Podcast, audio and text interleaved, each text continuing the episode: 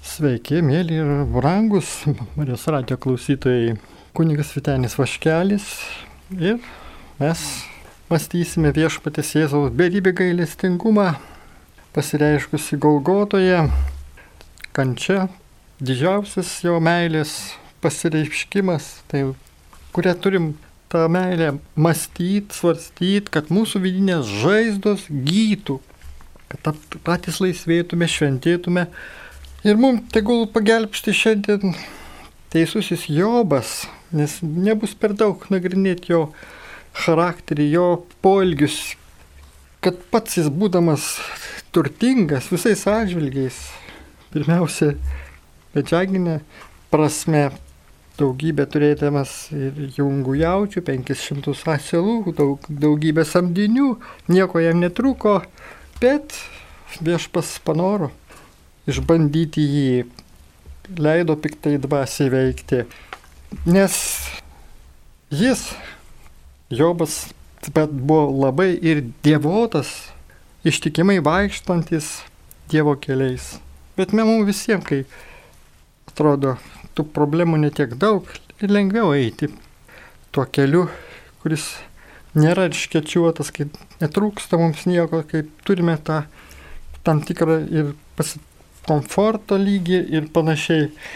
Bet kai netenkama tų dalykų, va koks tada mūsų požiūris į visus tos dalykus. Tai apie tai mes galėsime ir pasvarstyti, apie tos kančios įprasminimą, žvelgiant per šventą įraštą mes susimastysim, va, mokymo žodžius priimsim širdį. Dabar viešpatie prašom tos šviesos atgamtinės, kad tikrai mūsų širdis, protus paliestum ir mes galėtume suprasti, kad mūsų dienomis jis būtų Jobas vienas garsiausių ir gerbiamiausių krikščionių lyderių laikomas. Nesvarbu, kad kaip Geitsas turėjo tiek daug turtų. Bet kas atsitiko? Prieš Jovą sukilo visos dangaus ir žemės jėgos iš rytų, vakarų, šiaurės ir pietų. Užpuolė priešai, trenkė žaibas, įsisiautėjo viesulas. Dar popietį nesibaigus, nutiko neįtikėtinas dalykas. Turtingiausias anuomet pasaulio žmogus tapo vargšu, o dešimt jo vaikų žuvo per siaubingą stichinę nelaimę. Stebėtina, kad Jobas nei nusidėjo, nei priekaištavo Dievui, o jo atsakas buvo tiesiog nuostabus. Jis šlovino viešpatį. Jobui bandant atsistoti ant kojų, jį nuo pėdų iki viršų galvio nusėdo dvokiančios votys, kaip rašoma šventajame rašte. Jo oda patamsėjo ir susiraukšlėjo, votis apnyko parazitai, jo akis paraudo ir ištino, Prie nepakeliamo skausmo prisidėjo karščiavimas ir drebulys. Jobas patyrė nemigos, dusulio priepolius, siaubinga lyga alino jo kūną. Jobas persikėlė į šiukšlyną už miesto sienų, kur gyveno miesto atstumtieji. Jis sėdėjo vienas, atsiskyręs ir gedėjo dėl savo baisaus likimo ir vienišumo. Galiausiai išyro jo ir santoka, Dešimt laidotuvių. Beviltiškai sergantis vyras Jobo žmonai to jau buvo per akis. Štai ką jį pasiūlė savo vyrui. Ar dar laikaisi savo dorumo, keik Dievą ir mirk. Ši istorija dar labiau glūmina dėl to, kad Jobo kančias buvo nepelnytos, jis nebuvo kaltas. Nuodėmės ir skausmo, kurį jam teko patirti, niekas nesiejo. Tai atrodė labai neteisinga, nes tuo kyla ir klausimas, o kur Dievo privertusio ištikimai Jobą tiek kentėti meilė ir gerumas. Tai tik iš pirmo žvilgsnio toks klausimas galima formuluoti, bet mes matom, kad yra ir pavyzdžių parodančių, kad Mūsų laikais krikščionys pasitikėdami Dievu, lygas, išbandymus, net pačią mirtį, priema viltingai Kristaus prisikelimo šviesoje. Štai pavyzdys. Hilda, jauna studentė žydė, dalį dienos dirbo New Yorko universitete. Ji dalyvavo savo bendramokslis krikščionės mirusios nuo vėžio laidotuvėse. Prasidėjus apieigoms mirusiosios šeima pranešė, kad bus negedima, bet švenčiama. Jie dalyjosi prisiminimais apie dukterį ir dėkojo Dievui už ją kaip dovaną Gėdojo šlovinimo giesmę, citavo šventai raštą, kad viskas išeina į gerą mylintiems Dievą. O tuo metu Hilda sėdėjo negalėdama patikėti, ar tie žmonės nejokauja, ar jie ką nors jaučia. Kitą dieną atėjusi darbą įpyko ir niršo, kad į tragišką jos draugės mirtį buvo pažvelgta taip paviršutiniškai. Galiausiai per pietus jį pratrūko pikčių ant kito bendradarbio krikščionio, kuris taip pat dalyvavo laidutuvėse. Ar jūs neverkėte ir negedite? Nesuprantu jūsų. Ar jūs apskritai žmonės? Žinoma, neturime verkti ar liūdėti taip, kaip tie, kurie neturi vilties Kristuje. Tačiau mes vis dėlto ir verkėme, ir liūdėti tenka Koheleto knyga mus moko, viskam yra metas ir laikas juoktis, ir laikas verkti, laikas gedėti, laikas šokti. Jėzus verkė prie Lozoriaus kapo ir Jeruzalėje dėl savo tautos. Štai Kita iliustracija. Džeinė metus lankiusi maldos grupę pamažu ėmė suprasti, kiek daug netekčių jį patyrė vaikystėje, paauglystėje ir jaunystėje. Pirmą kartą gyvenime jį artinusi prie savo netekčių, o nestengėsi nuo jų bėgti. Kartą susitikimui pasibaigus, ją paklausė, kaip jai sekasi. Galva nuleidusi, jis užnipždėjo. Man atrodo, kad jei ir toliau liūdėsiu dėl savo netekčių, galiu ir numirti.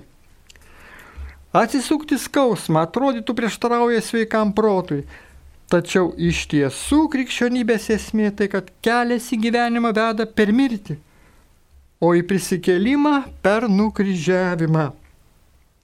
Žinoma, taip kalbėti lengviau negu gyvenime šios žodžius pagrysti veiksmais. Geraldas Sitseris savo knygoje pasislėpusi malonė apmasto savo motinos, žmonos ir dukrelės, kurių jis neteko siaubingoje automobilio avarijoje mirti. Jis nusprendė nebėgti nuo savo netekties, bet žengti tiesiai į tamsą ir leisti šiai didžiuliai tragedijai pakeisti jo gyvenimą. Jis suprato, kad greičiausias būdas pasiekti Saulę ir dienos šviesą yra nebėgti į vakarus paskui ją, bet pasukti į rytus, į tamsą, kol galiausiai pasieksi Saulėtekį. Vaikystėje mūsų statoma gynybinė siena skirta apsaugoti mus nuo skausmo, žinot, gali būti tam tikra prasme didelė Dievo dovana Pavyzdžiui, jei kas nors vaikystėje patiria emocinį ar seksualinį smurtą, jo neįgymas gali būti sveikas išlikimo mechanizmas. Vaikas užgneužia skausmą ir tai padeda jam ištverti skausmingomis aplinkybėmis. Vaikystėje geriau giliai neišgyventi skausmingos tikrovės, kad ištvertume emociškai. Tačiau tampant suaugusiaisiais, Reikia, kad išvengtume, iš, išauktume iš neigimo gynybinių mechanizmų ir sažiningai pažvelgtume į tai, kas yra tiesa, į tikrovę. Jų Jėzus sakė, jūs pažinsite tiesą ir tiesa padarys jūs laisvus. Tačiau, kad apsisaugotume nuo skausmo, Mes ir suaugę neatsisakome gynybinių manevrų ir tai trukdo mums dvasiškai ir emociškai bręsti. Galėčiau net išvardyti keletą tokių pasitaikančių gynybinių mechanizmų. Neigimas arba tam tikra užmarštis. Atsisakome išoriškai arba iš vidaus pripažinti kokį nors skausmingą tikrovės aspektą. Pavyzdžiui, sakome, jau jaučiuosi puikiai. Manęs visai nejaudina, kad viršininkas manęs neįvertino ir atleido iš darbo. Nesijaudinu ne per nago juodimą. Sumenkinimas. Pripažįstant, kad kažkas negerai, tačiau taip, kad tai atrodytų ne taip rimta, kaip iš tiesų mes sakome, mano sunaus santykiai su Dievu puikus, jis tik retkačiais išgeria, o iš tikrųjų smarkiai geria ir retai nakvoja namie. Kitas kit, dar dalykas - kitų kaltinimas. Neigiame atsakomybę už savo elgesį ir primetame ją kitiems. Mano brolis serga ir guli ligoninėje, nes gydytojai supainiojo vaistus. Dar dalykas vienas - savęs kaltinimas. Viduje prisimame kaltę. Tai aš kaltas, kad mama nesirūpina manimi ir visą laiką geria. Ji tai daro todėl, kad aš jos rūpeščio nevertas. Kągi, mes galim žiūrėti dar giliau, prisiminti šventą Joną Krikščitoje, kuris mums rodo puikų pavyzdį, kaip reikia pripažinti savo ribotumą. Mes žinome, kad iš pradžių sekusios minios Joną, kad jis juos pakrikštytų, vėliau pradėjo sekti Jėzumi. Jėzui pradėjo savo tarnystę. Kai kurie Jono pasiekėjai buvo nepatenkinti tokiu neįtikėtinų įvykių posūkių. Visi, jie jam skundėsi, visi bėga pas jį. Jonas suprasdamas savo ribotumą atsakė, žmogus negali nieko pasiimti, jeigu nebus jam duota iš dangaus. Jis sugebėjo pasakyti, galima ir taip praplėsti, aš pripažįstu savo ribotumą, savo žmogiškumą, savo mažėjantį populiarumą, jam skirta aukti o man mažėti.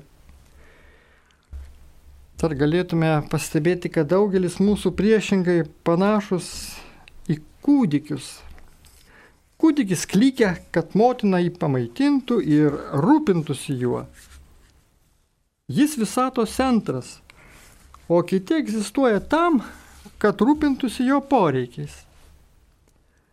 Jis kenčia nuo pasipūtimo, puikybės, vaikiškumo, Norėdamas suaukti, jis turės suprasti, kad nėra visatos centras.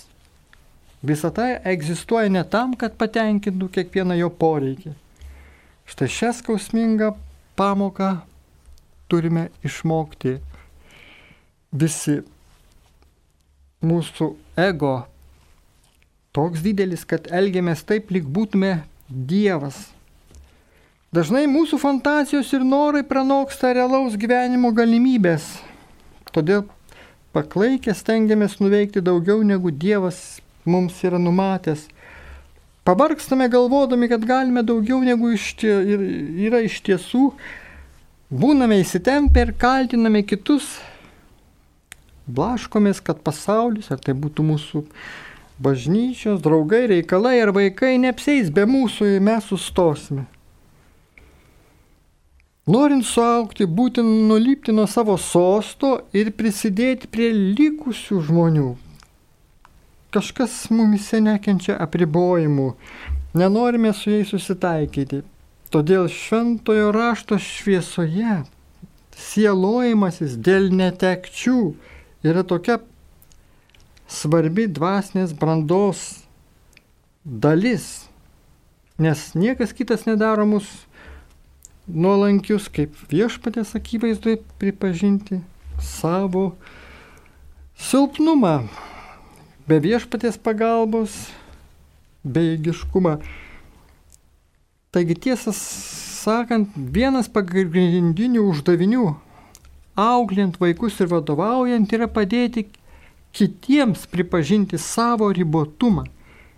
Nebijoti, kad tokie jau esame Nes žinome, kad būdami silpni esame ir viešpatės akivaizdoj mėly, primtini ir galingi, kaip papaštas Paulius sako. Ir štai galime dar prisiminti vieną pavyzdį, kai į Robertsoną Makilkiną, buvusi Kolumbijos Biblijos koledžo prezidentą, kažkas kreipėsi kažkada viena pagyvenusi dama, susidūrusi su senatvės išbandymais. Jos kūnas tuomet jau silpo, grožį buvo pakeitę, išretėję plaukai, odos raukšlės ir dėmes. Ji nebegalėjo daryti to, ką anksčiau darė ir jautėsi našta kitiems. Robertsonai jinai paklausė, kodėl Dievas leido mums pasenti ir nusilpti? Kodėl man turi taip skaudėti? paklausė ji. Kelias akimirkas pagalvojęs, Makilkinas atsakė, manau, kad Dievas suplanavo, jog jaunystės jėga ir grožis būtų fizinis, bet senatvės jėga ir grožis yra dvasiniai dalykai. Mes pamažu prarandame jėgą ir grožį, kurie yra laikini, kad būtinai sutelktume dėmesį į jėgą ir grožį, kurie yra amžini. Dėl to mes labiau norime palikti laikiną, nykstančią savo dalį ir tikrai pasilgstame savo amžinųjų namų. O jei liktume jauni, stiprus ir gražus, galbūt norėtume čia visada pasilikti.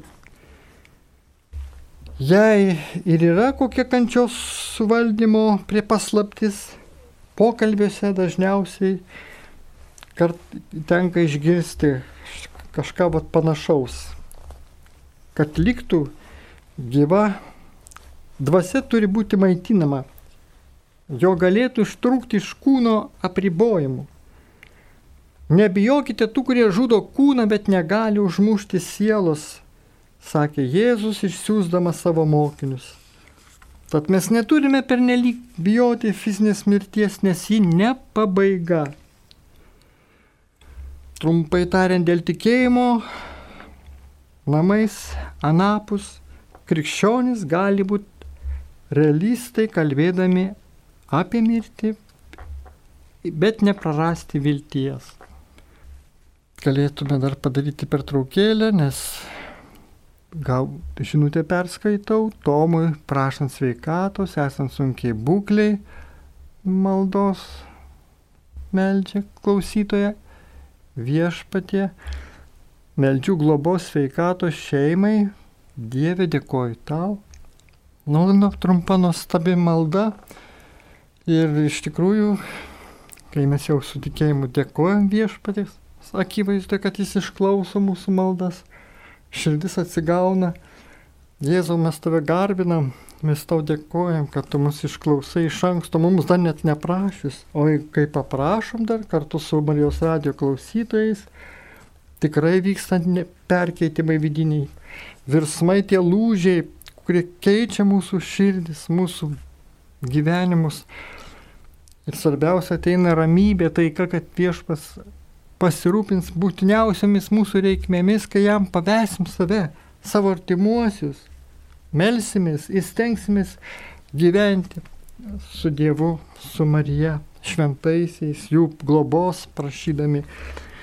Todėl va štai va, labai svarbios tos sąlygos, kad galėtų mūsų malda būti išklausyta, mūsų prašymai viešpačiu mėly primtini ir matytume savo maldų vaisius. Mes sakom, Jėzau, kai kreipiamės į tave maldą, tai jau tu mus ir paskatini tų dalykų prašyti, nes tai mums gyvybiškai svarbu, nes pats troškimas, kaip Šventas Augustinas yra sakęs, jau yra ir malonė, kaip Dievo dovana, kad tas panašu kaip va, trokšti tų dalykų, ko mes dar nematom, neturim, tai yra iš viešpatės ir duodama palaima, nes jis ne tik mus skatina, daryti gerus darbus, bet ir troškimus mums geruosius sužadina, veikiant šventai dvasiai.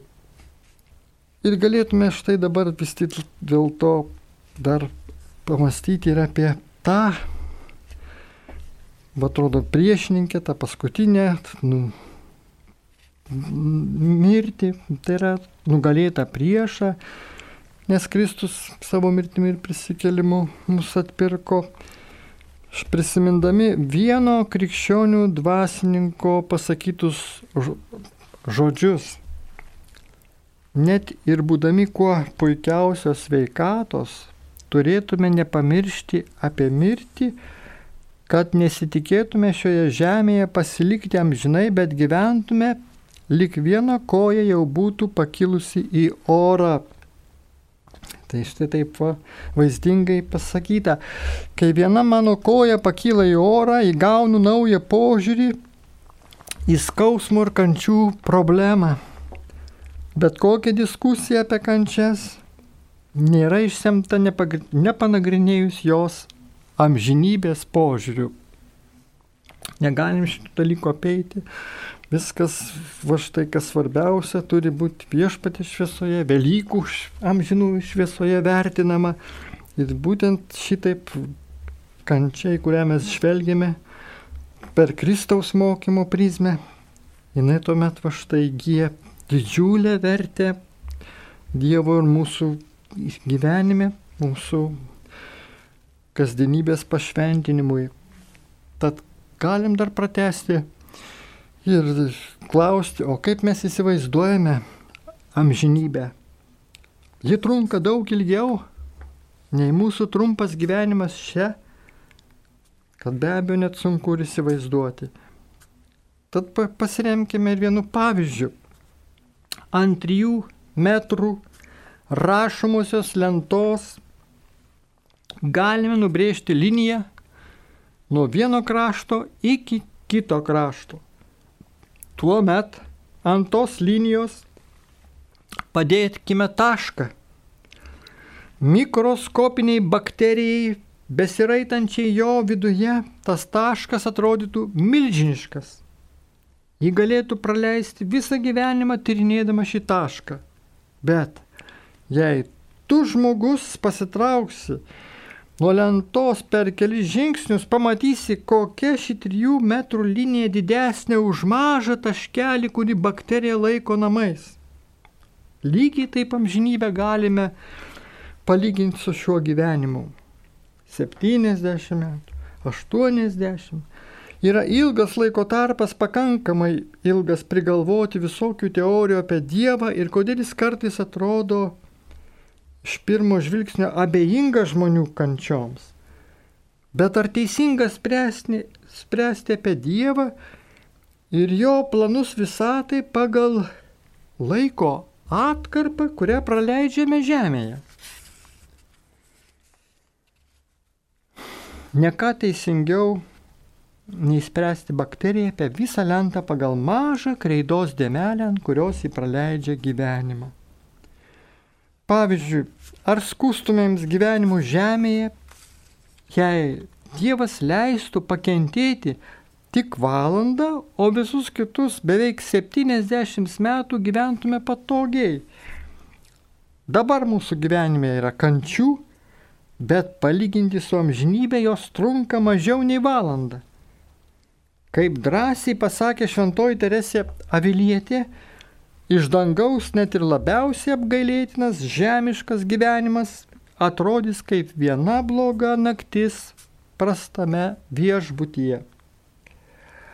Krikščioniškoje visatos sampratoje šis pasaulis ir jame praleistas laikas nėra viskas, kas egzistuoja.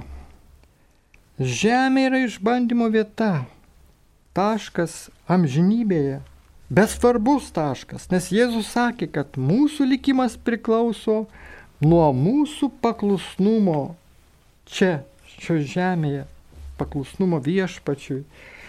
Kai kitą kartą apimti kankinančios nevilties norėsime šaukti ant Dievo kaltindami dėl apgailėtino pasaulio, prisiminkime, matome mažiau nei vieną milijoninę realybės dalį kad galėtume tinkamai įvertinti skausmo ir kaičių, kančių santyki, vaidmenį, turim palaukti, kol pamatysim visą panoraminį paveikslą. O apie tai šventam rašte pažadų gausu. Pirmam Petro laiške skaitome, O visų malonių Dievas, pašaukęs jūs į savo amžinąją garbę Kristuje, Jėzuje, pats jūs trumpai pakentėjusius ištobulins, sutvirtins, pastiprins, pastatys ant tvirto pagrindo. O dabar lengvas dabartinis mūsų vargas ruošia mums neapsakomą, visą pranokstančią amžinąją garbę. Mes nežiūrime to, kas regima, bet kas neregima, nes regimieji dalykai laikini, o neregimieji amžini. Taigi yra dar įdomus pastebėjimas, kad pamirštama detalė Jobo knygos pasakojimo apie žmogiškas kančias pabaigoje. Autorius labai stengiasi pabrėžti, kad galų gale Jobas atgavo dvigubai viso, ką prarado išbandymų metu. O ką jis atgavo? 14 tūkstančių avių vietoj 7, 6 tūkstančius kupranugarių vietoj 3 tūkstančių, po tūkstantį jaučių ir asilų vietoj 500. Tačiau su viena išimtimi Jobas vėl gavo septynis sūnus ir tris dukteris, tiek pat, kiek anksčiau, ne dvigubai. Ar tik čia įkveptas autorius neužsimena apie amžinybę? Tuo požiūriu Jobas iš tiesų atgavo dvigubai. Dešimt naujų vaikų čia, žemėje ir dešimt su kuriais jis vieną dieną susitiks. Iš tiesų įdomi išvalga ir viskas gėris pasidaugina, kantriems, išmintingai, viešpaties Dievo valią, stengiantiems pažinti, jos laikytis. Ir todėl mes va štai taip galim viltingai žvelgti į priekį, į ateitį ir pašventinti dabartį. Taigi leiskime tai istorijai baigtis. Ten nuskamba paskutiniai graudolingi simfonijos disonansai prieš pratrūkstant džiaugsmingai giesmiai. O tai kaip tik apaštalo Pauliaus žodžiai romiečiams laiške.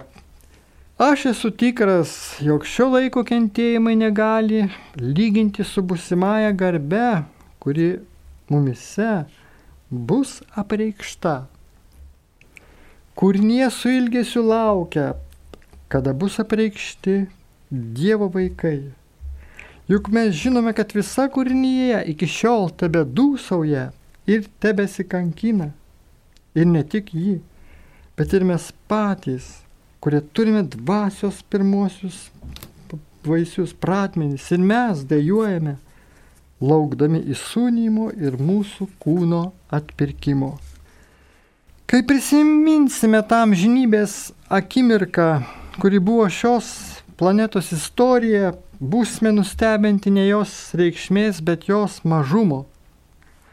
Pavyzdžiui, žiūrint iš Andromedos galaktikos, visos mūsų, visos mūsų Saulės sistemos sunaikinimas būtų vos matomas, lik silpnas, tolimas, degtuko blikstelėjimas, galutinai išnykstantis tamsoje. Tačiau šiam perdegusiam degtukui Dievas paukojo save. Skausmą galima suprasti, kaip sakė vienas autorius, kaip didiem žinybės dar ne. Jis primena mums, kad esame dabar ir sukelia troškimą būti tuo, ko vieną dieną tapsime. Galime su pasitikėjimu tarti, kad vieną dieną kiekviena mėlynė ir kiekviena leukemijos lastelė, kiekviena gėda ir kiekviena skriauda bus ištaisyta. Ir visos tos niūrios akimirkos, kai be vilties vylėmės pagaliau sulauks atpildo.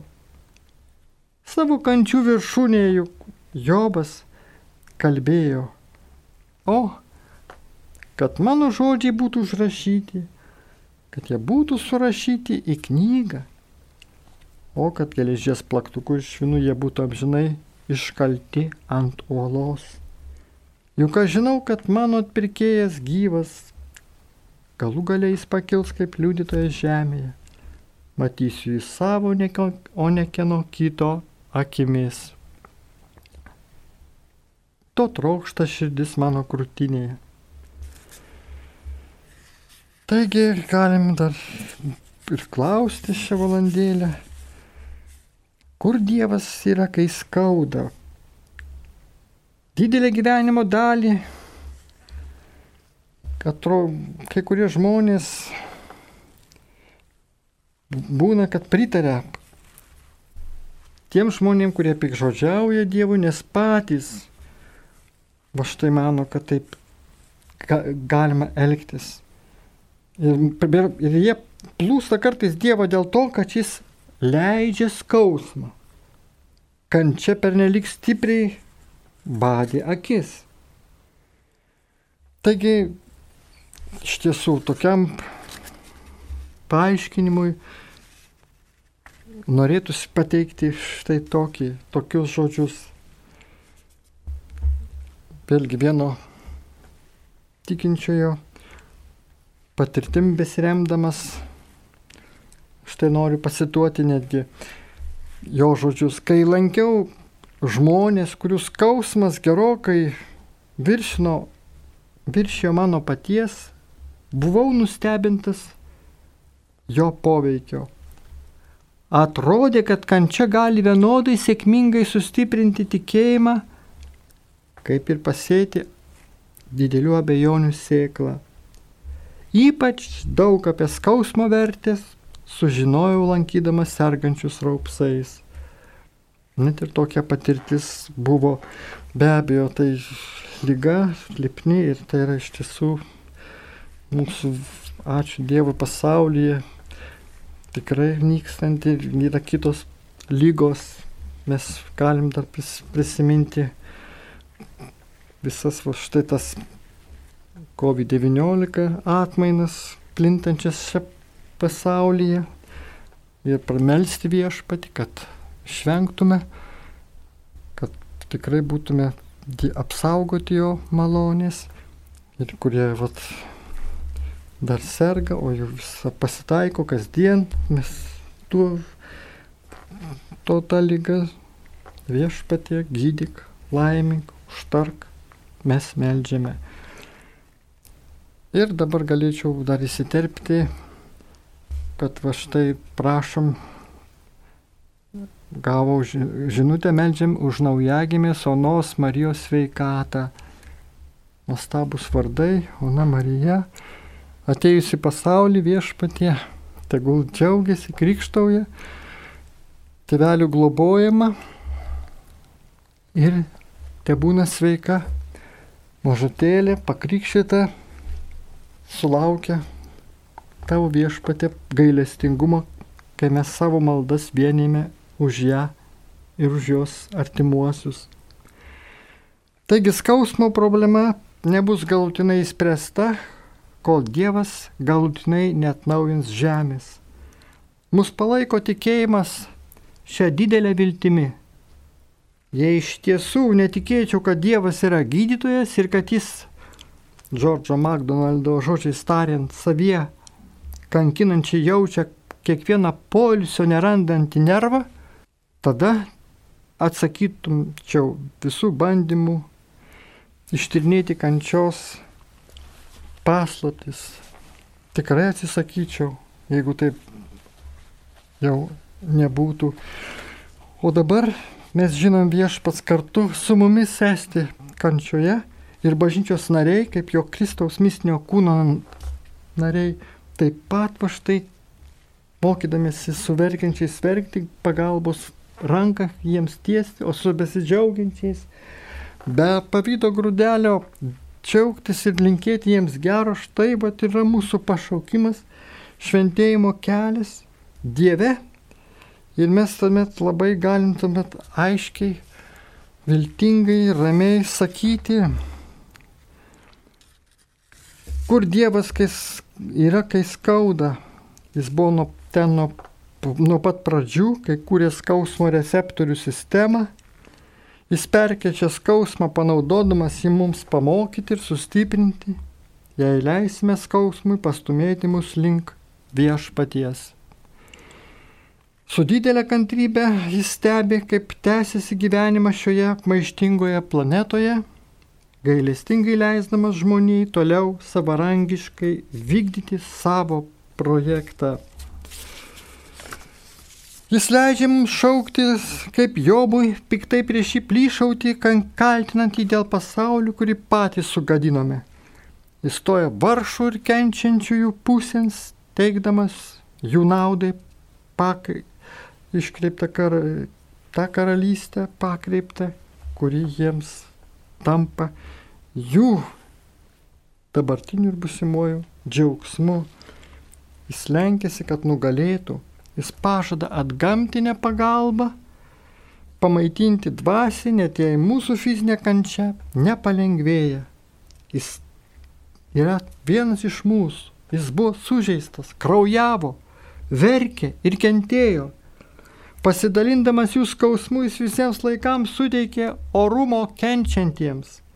Jis yra su mumis dabar ir tarnauja mums per savo šventąją dvasę ir per savo kūno narius, kuriuos pasintė mums, mums padrasinti, palengvinti mūsų kančioms, mažinti jis ir naikinti. Jis laukia ir renka gėrio kariuomenę.